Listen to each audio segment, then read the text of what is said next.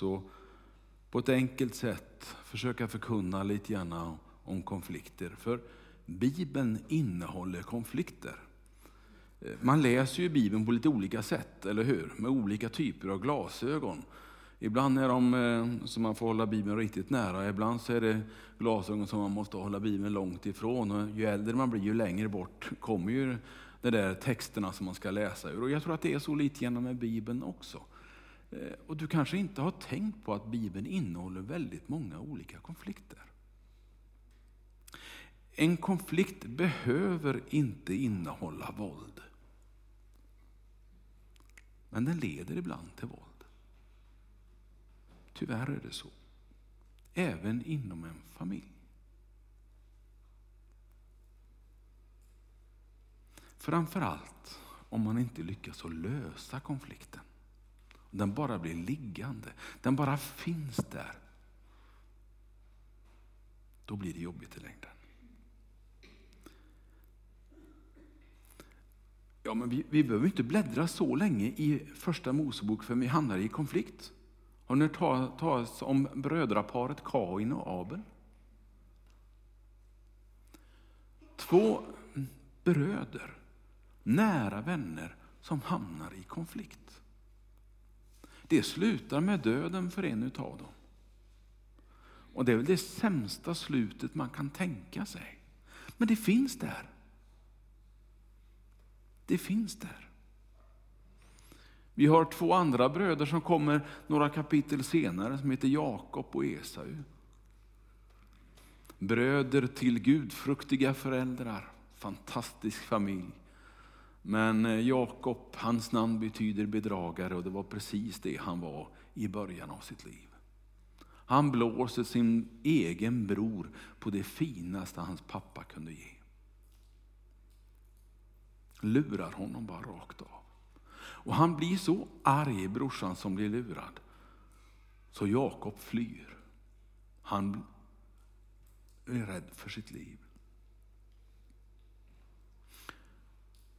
Den konflikten slutar lyckligt, men det tar många, många år. Josef, det är en annan som hamnar i konflikt och det är precis som att syskonen i början på Bibeln hade lite knepigt. Josef och hans bröder, känner ni till dem? Hur många var de nu då? De var tolv bröder, alltså hade han elva då. Eh, och det var en jättekonflikt för de tyckte Josef var kaxig, han var ju näst minst. Men de tyckte han var kaxig, han drömde så konstiga drömmar om att alla skulle minsann buga sig för honom och sådär. Och så blev det en jättekonflikt av alltihopa. De sålde honom som slav. Men slutet är ganska lyckligt i alla fall. Om vi bläddrar ytterligare några till så kommer vi hos Saul, den första kungen i Israel. När han blir lite äldre så möter han en ung herdepojke som vi känner som konung David så småningom.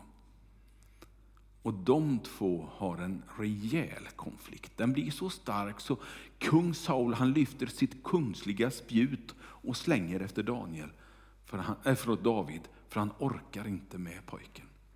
Pojken har ju rätt hela tiden och han är ju så from och han är ju så ordentlig.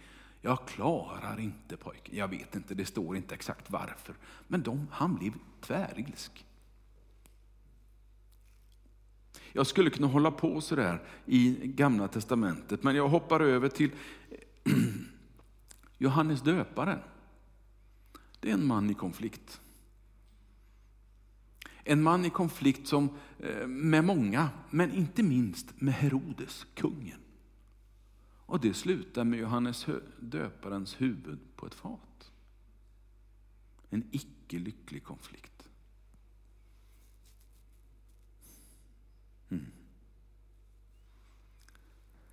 Jesus då? Ja, han hade ju konflikter han med. Men jag hittar inte de där personkonflikterna. Han var en fridens man på något sätt. Men nog hade han konflikt med fariseerna. Han sa ju att ert system ni är hopplösa. Och Saduséerna var likadant. Det går ju inte. Det är klart att uppståndelsen finns, sa han till Saduséerna. Och fariseerna, ni har bara massa stora viktiga paragrafer den försöker följa. Livet Och så var den i konflikt med systemen mer än personerna. Ja, det, jag nämner det här bara för att du ska förstå att Bibeln är full av det som ingår i livet. Vill du läsa Bibeln om livet, då går det att få fram även det som är jobbigt.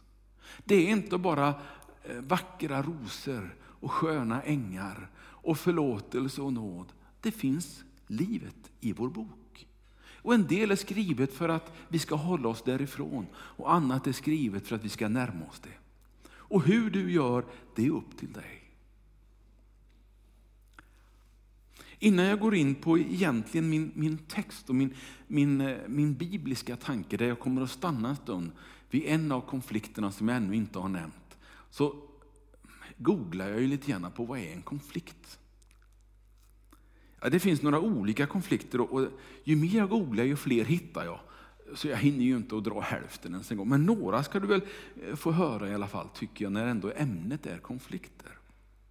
Det finns något som man kallar för sakkonflikter. Det är när man har olika eh, syn och infallsvinklar på, på exempelvis en organisation. Hur den ska vara. Den ska vara så här, nej den ska vara så här. Ja men eh, vi ska ha det, nej vi ska ha så. Och så blir det en konflikt, sakkonflikter. Man kan också tala om intressekonflikter. Det är när man egentligen vill göra samma sak men har helt olika skäl. Intressena spelar in. Mitt intresse är det här, mitt intresse är det så här att göra. Ja men vi drar ju åt samma håll. Ja men det hjälper inte. Jag tycker vi ska göra på det här sättet, då blir det bäst. Nej men det blir ännu bättre om vi gör på det här sättet. Och så håller man på och det blir en konflikt. Det finns värderingskonflikter. Och här var det någon som hade skrivit in religionen. Och då fick jag fundera lite grann. Vänta lite, jo men det kan ju faktiskt stämma. Visst har det funnits konflikter religioner emellan. Och finns konflikter religioner emellan. Det är ledsamt men så är det. Och Det är ingenting att blunda för och säga att de inte existerar. För de finns, de har alltid funnits. Ända man går tillbaka till Bibelns tid så fanns det konflikter religioner emellan.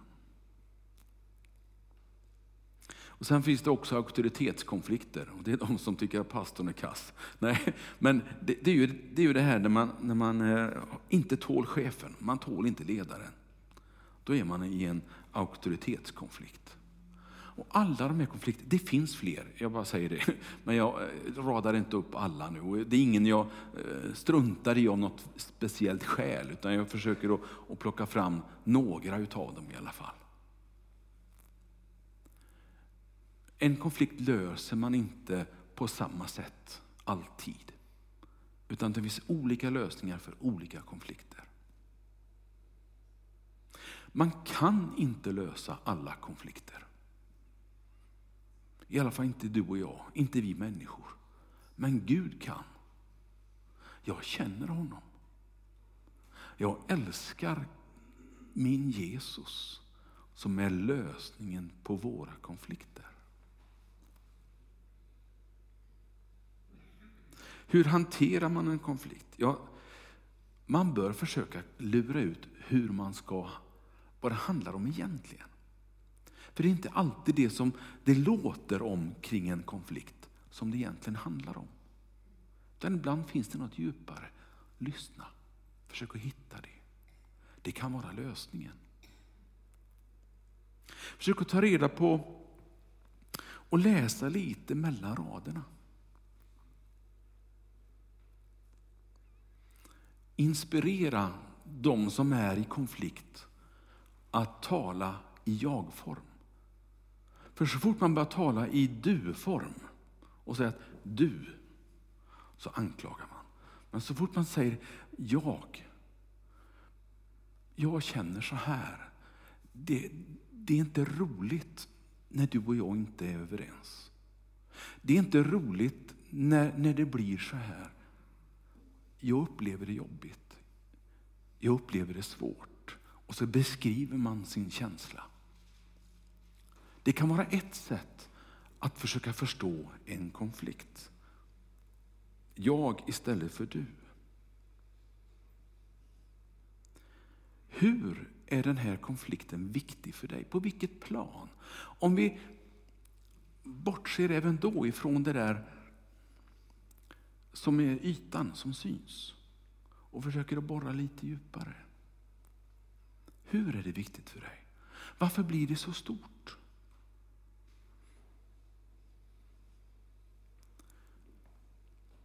Eh, som vi säger det en gång till, jag kan inte lösa alla.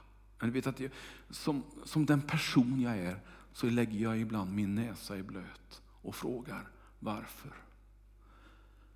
Och någon gång kanske jag har lyckats att lösa någon konflikt. Men väldigt många konflikter har jag också svårt för att lösa. Och då säger jag, Herre, då väntar vi ett tag. Herre, välsigna det här. Och så ber jag för de här människorna som är involverade i en konflikt. Och någon gång så kanske det löses. Men det är inte alltid jag får se den lösningen heller. Kanske ändå det viktigaste är att inte ignorera dem. Att inte sopa konflikterna under mattan och säga att vi har inga. Här i, i, i kyrkan, det finns inga konflikter. Nej då. Påven har alltid rätt. Eller pastorn har alltid rätt. Eller jag har alltid rätt. Nej, det finns naturligtvis konflikter i församlingar, kyrkor, i system på det sättet också. Låt mig nu innan tiden rinner iväg få komma in på det bibliska sam, eh, Eh, kontexten som jag eh, vill peka på lite grann. Och då är vi inne på Paulus. Denne man fylld av liksom, inspiration, passion för evangeliet. Han gick, han åkte båt och han red kors och tvärs genom hela det då kända romarriket. För han brann för att sprida förkunnelsen tron på Jesus Kristus. Men även han hamnar i konflikt. Och låt mig få läsa några bibelställen. Vi ska börja i Apostlagärningarna 13 och 13. Det kommer på väggen här också, utmärkt. Det handlar om Johannes Markus. Ja, han kallas för Johannes till att börja med, men sen blir det mer och mer Markus som stannar kvar. Och faktum är att vi har ett evangelium som han har skrivit. Så då vet du hur, hur det slutar ungefär också. Det finns ett positivt slut i den här berättelsen. Han är förmodligen ganska ung och kanske lite oerfaren. Jag ska inte säga dum, för det tror jag inte. Men han är nog ung och oerfaren. Och eh, vi är på den första missionsresan av Paulus tre olika missionsresor. Och den första missionsresan så är det han och Barnabas Eh, som ska ge sig iväg. Och vi läser texten. Från Pafos seglade Paulus och hans följeslagare till Perge i Pamfylien. Där övergav Johannes dem och återvände till Jerusalem. Ja, hur mycket konflikt låter det i det? Ja, men tänk efter lite grann. Försök att smaka på tonen. Försök att smaka lite grann på vad är det som händer. Paulus och Barnabas, de eh, har med sig den gode Johannes Markus. Och de åker till, till Sicilien först. Nej, förlåt, Cypern. Cypern först. Ifrån förmodligen Antiochia, eller möjligtvis Jerusalem Så kommer de dit, de evangeliserar och sen ska de ge sig iväg till den södra delen av Turkiet. Men någonting händer. Jag vet inte. Får han hemlängtan pojken? Han är ganska långt hemifrån. Han har inte varit med så länge. Eller tycker han att det börjar bli farligt? Han visste ju att eh, de var ute efter, både romarna och en del av det judiska folket var också ute efter den kristna läran och tyckte att det här ska vi inte tillåta, det här ska vi hålla nere. Och man, man levde lite farligt som kristen på den där tiden. Kanske han blev lite rädd. Han bestämmer sig i alla fall för att vända tillbaka. Där övergav Johannes, eller Markus då, dem och så återvände han till Jerusalem. Det behövde ju inte bli en konflikt av det här, men faktum är att det blev det.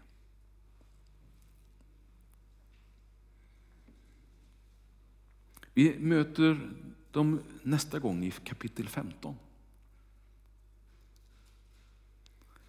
15 och 36 till 41 ska jag läsa.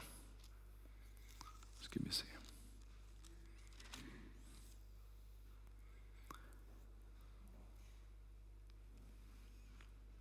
Efter någon tid sa Paulus till Barnabas, låt oss resa ut igen och se hur det står till med bröderna i alla de städer där vi har förkunnat ordet om Herren.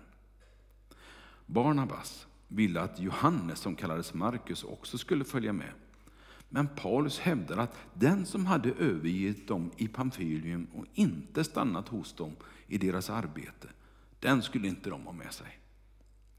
Det kom till så häftigt uppträde att de skildes åt. Barnabas tog med sig Markus och seglade över till Cypern. Paulus däremot utsåg Silas till sin följeslagare. Och, sen, eh, och sedan bröderna överlämnat honom mot Herrens nåd bröt han upp. Och han reste genom Syrien och Kilikien och eh, styrkte församlingarna där.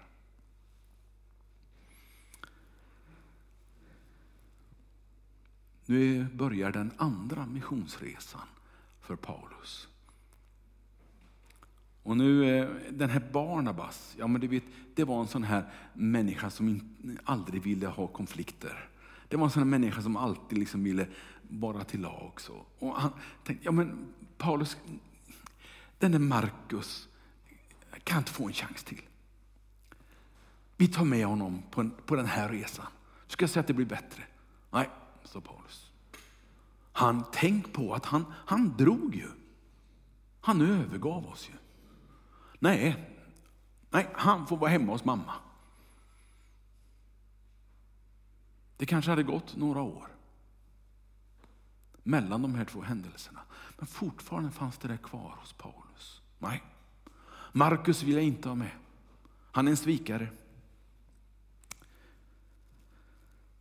Det blev ett häftigt uppträde, visst stod det det? Va? Ett riktigt, alltså, en riktig ordväxling. Kanske lite höga röster. Du vet hur det kan vara i Mellanöstern. Där kan man tända till lite mer än vad vi gör här när man pratar, eller hur? Det var kanske mycket så här och det var hög röst, det var skarpa ord. Det var inte enkelt. Hur löser man det? Faktum är att de skiljs åt, de gode Barnabas, nej, men Barnabas och Paulus. De skiljs åt i osämja. Det står inte att det blev bra. Det står att de skildes åt på det här sättet.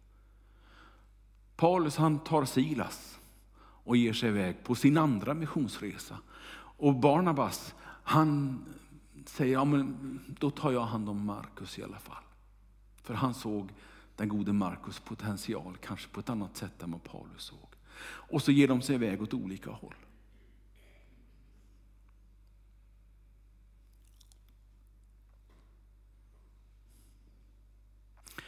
Barnabas och Markus de åker till Cypern och Paulus och Silas ger sig iväg lite mer eh, nordväst åt Syrienhållet och sydvästra Turkiet. Där eh, är de kvar.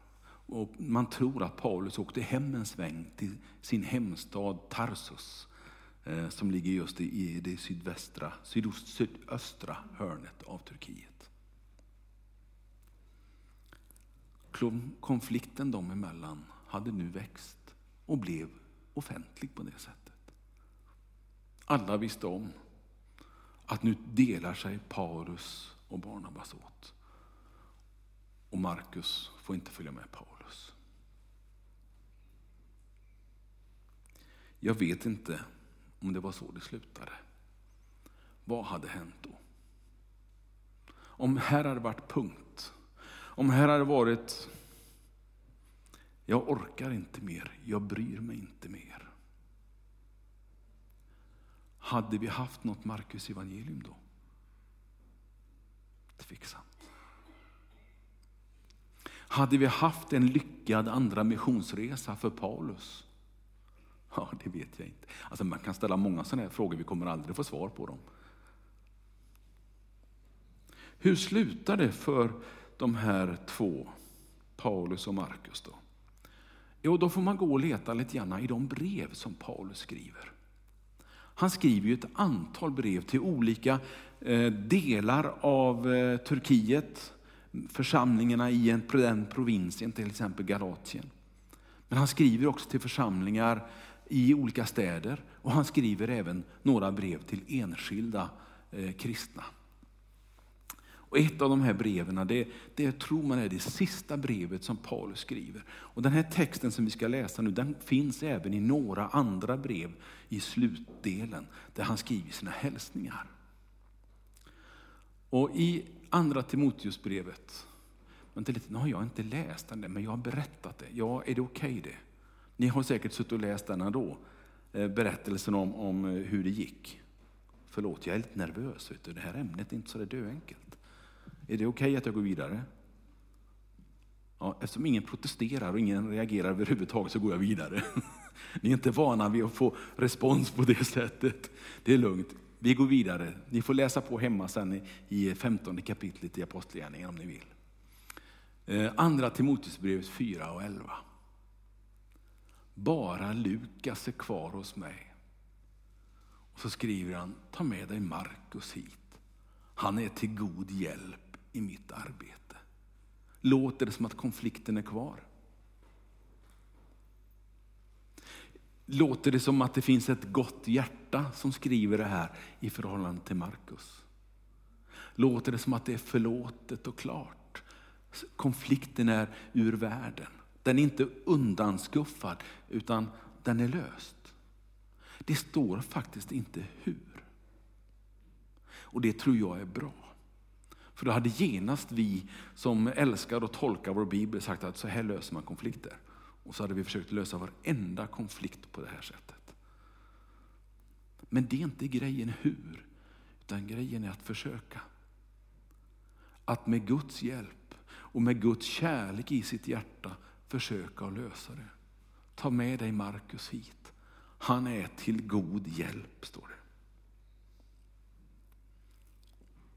Det sker någon slags uppgörelse på vägen. Och som sagt, han skriver i några avslutningar till sina brev liknande om Markus. Med varmt hjärta och med en skön beskrivning. Och förmodligen så blir de goda vänner. Eh, Paulus sitter eventuellt fast i Rom, fängslad i Rom. Och han behöver hjälp av Markus. Markus kommer där till Rom och lär känna Paulus ännu mer. Och de förstår kanske att snart är det slut för Paulus, han kommer inte längre än så här. Och kanske att Markus då hittar gemenskapen med Petrus igen, som också är i Rom. Och där börjar de två skriva Markus evangeliet. För man tror att Petrus är den som viskar i Markus öra när Markus inte var med vid alla de här tillfällena som evangeliet beskriver, så är det Paulus som säger, så här kan du skriva. Du, så här är jag, kommer ihåg, så här händer det. Och så skriver Markus. För Petrus, han var ingen språkmänniska. Men Markus var det. Han kunde skriva, han kunde tolka. Han blev hjälp till både Eh, Petrus och andra.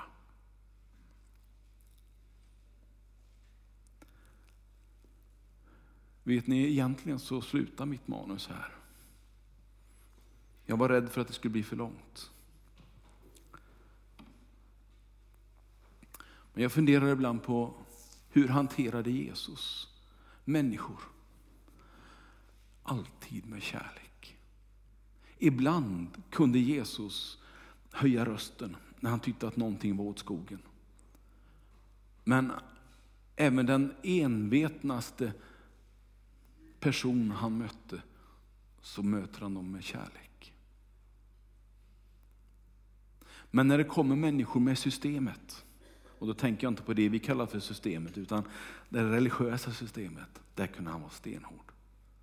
Men när han möter människor, när han möter den rike ynglingen som egentligen eh, inte vill, ja, då ger han honom rådet.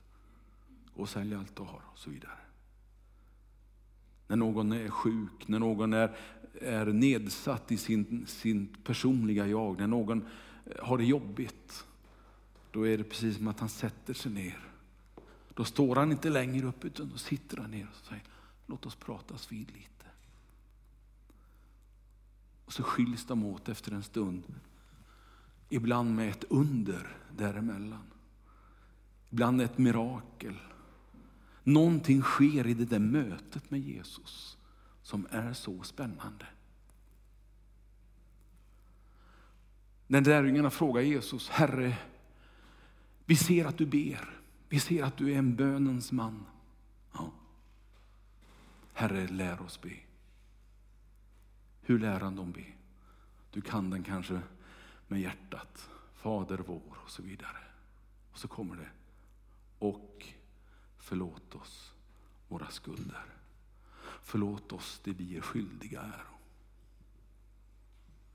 Mycket av konflikt handlar om förlåt. Och ett förlåt, lärde jag mig häromdagen, är inte ett acceptans om någonting som har gjorts fel.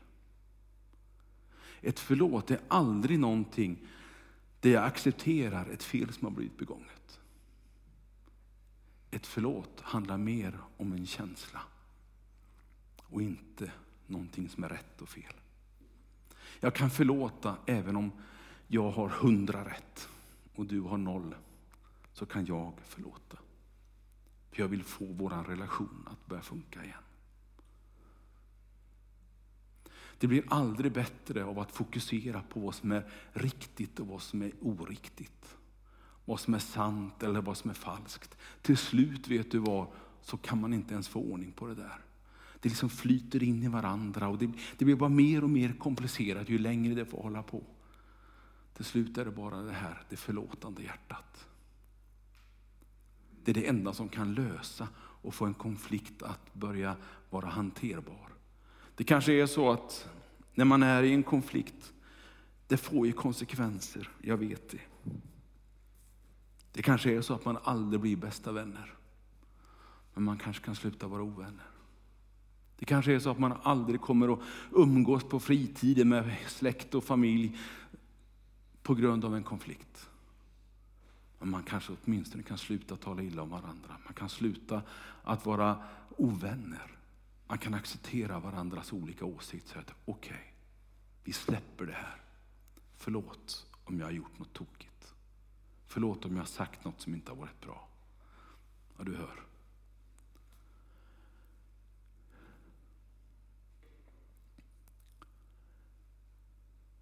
Att ha en konflikt är jobbigt, jag vet det.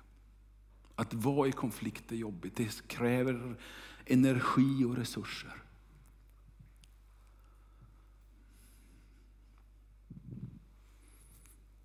Så det är inte enkelt.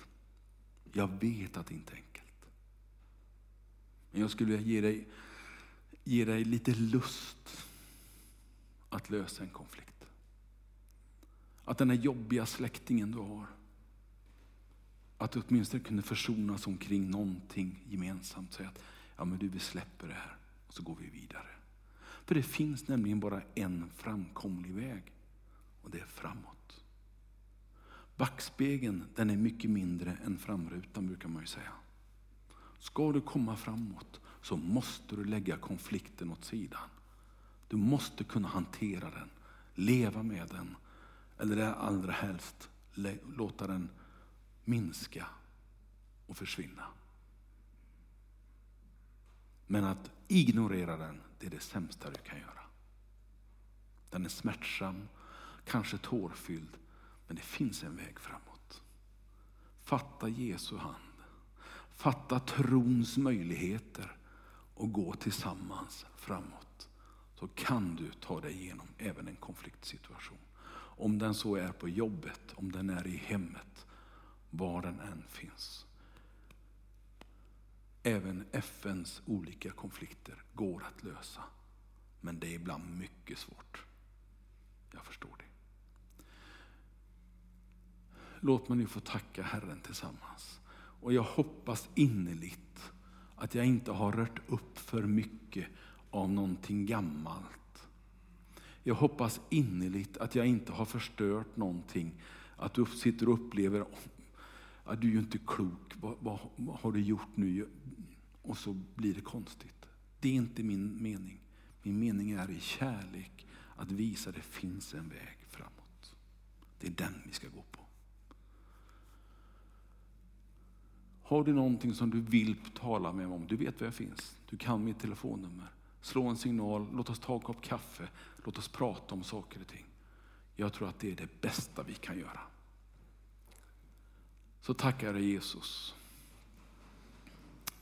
Jag tackar dig för den här möjligheten att få förkunna om en jättesvår, ett svårt ämne. Men Herre, du känner mitt hjärta.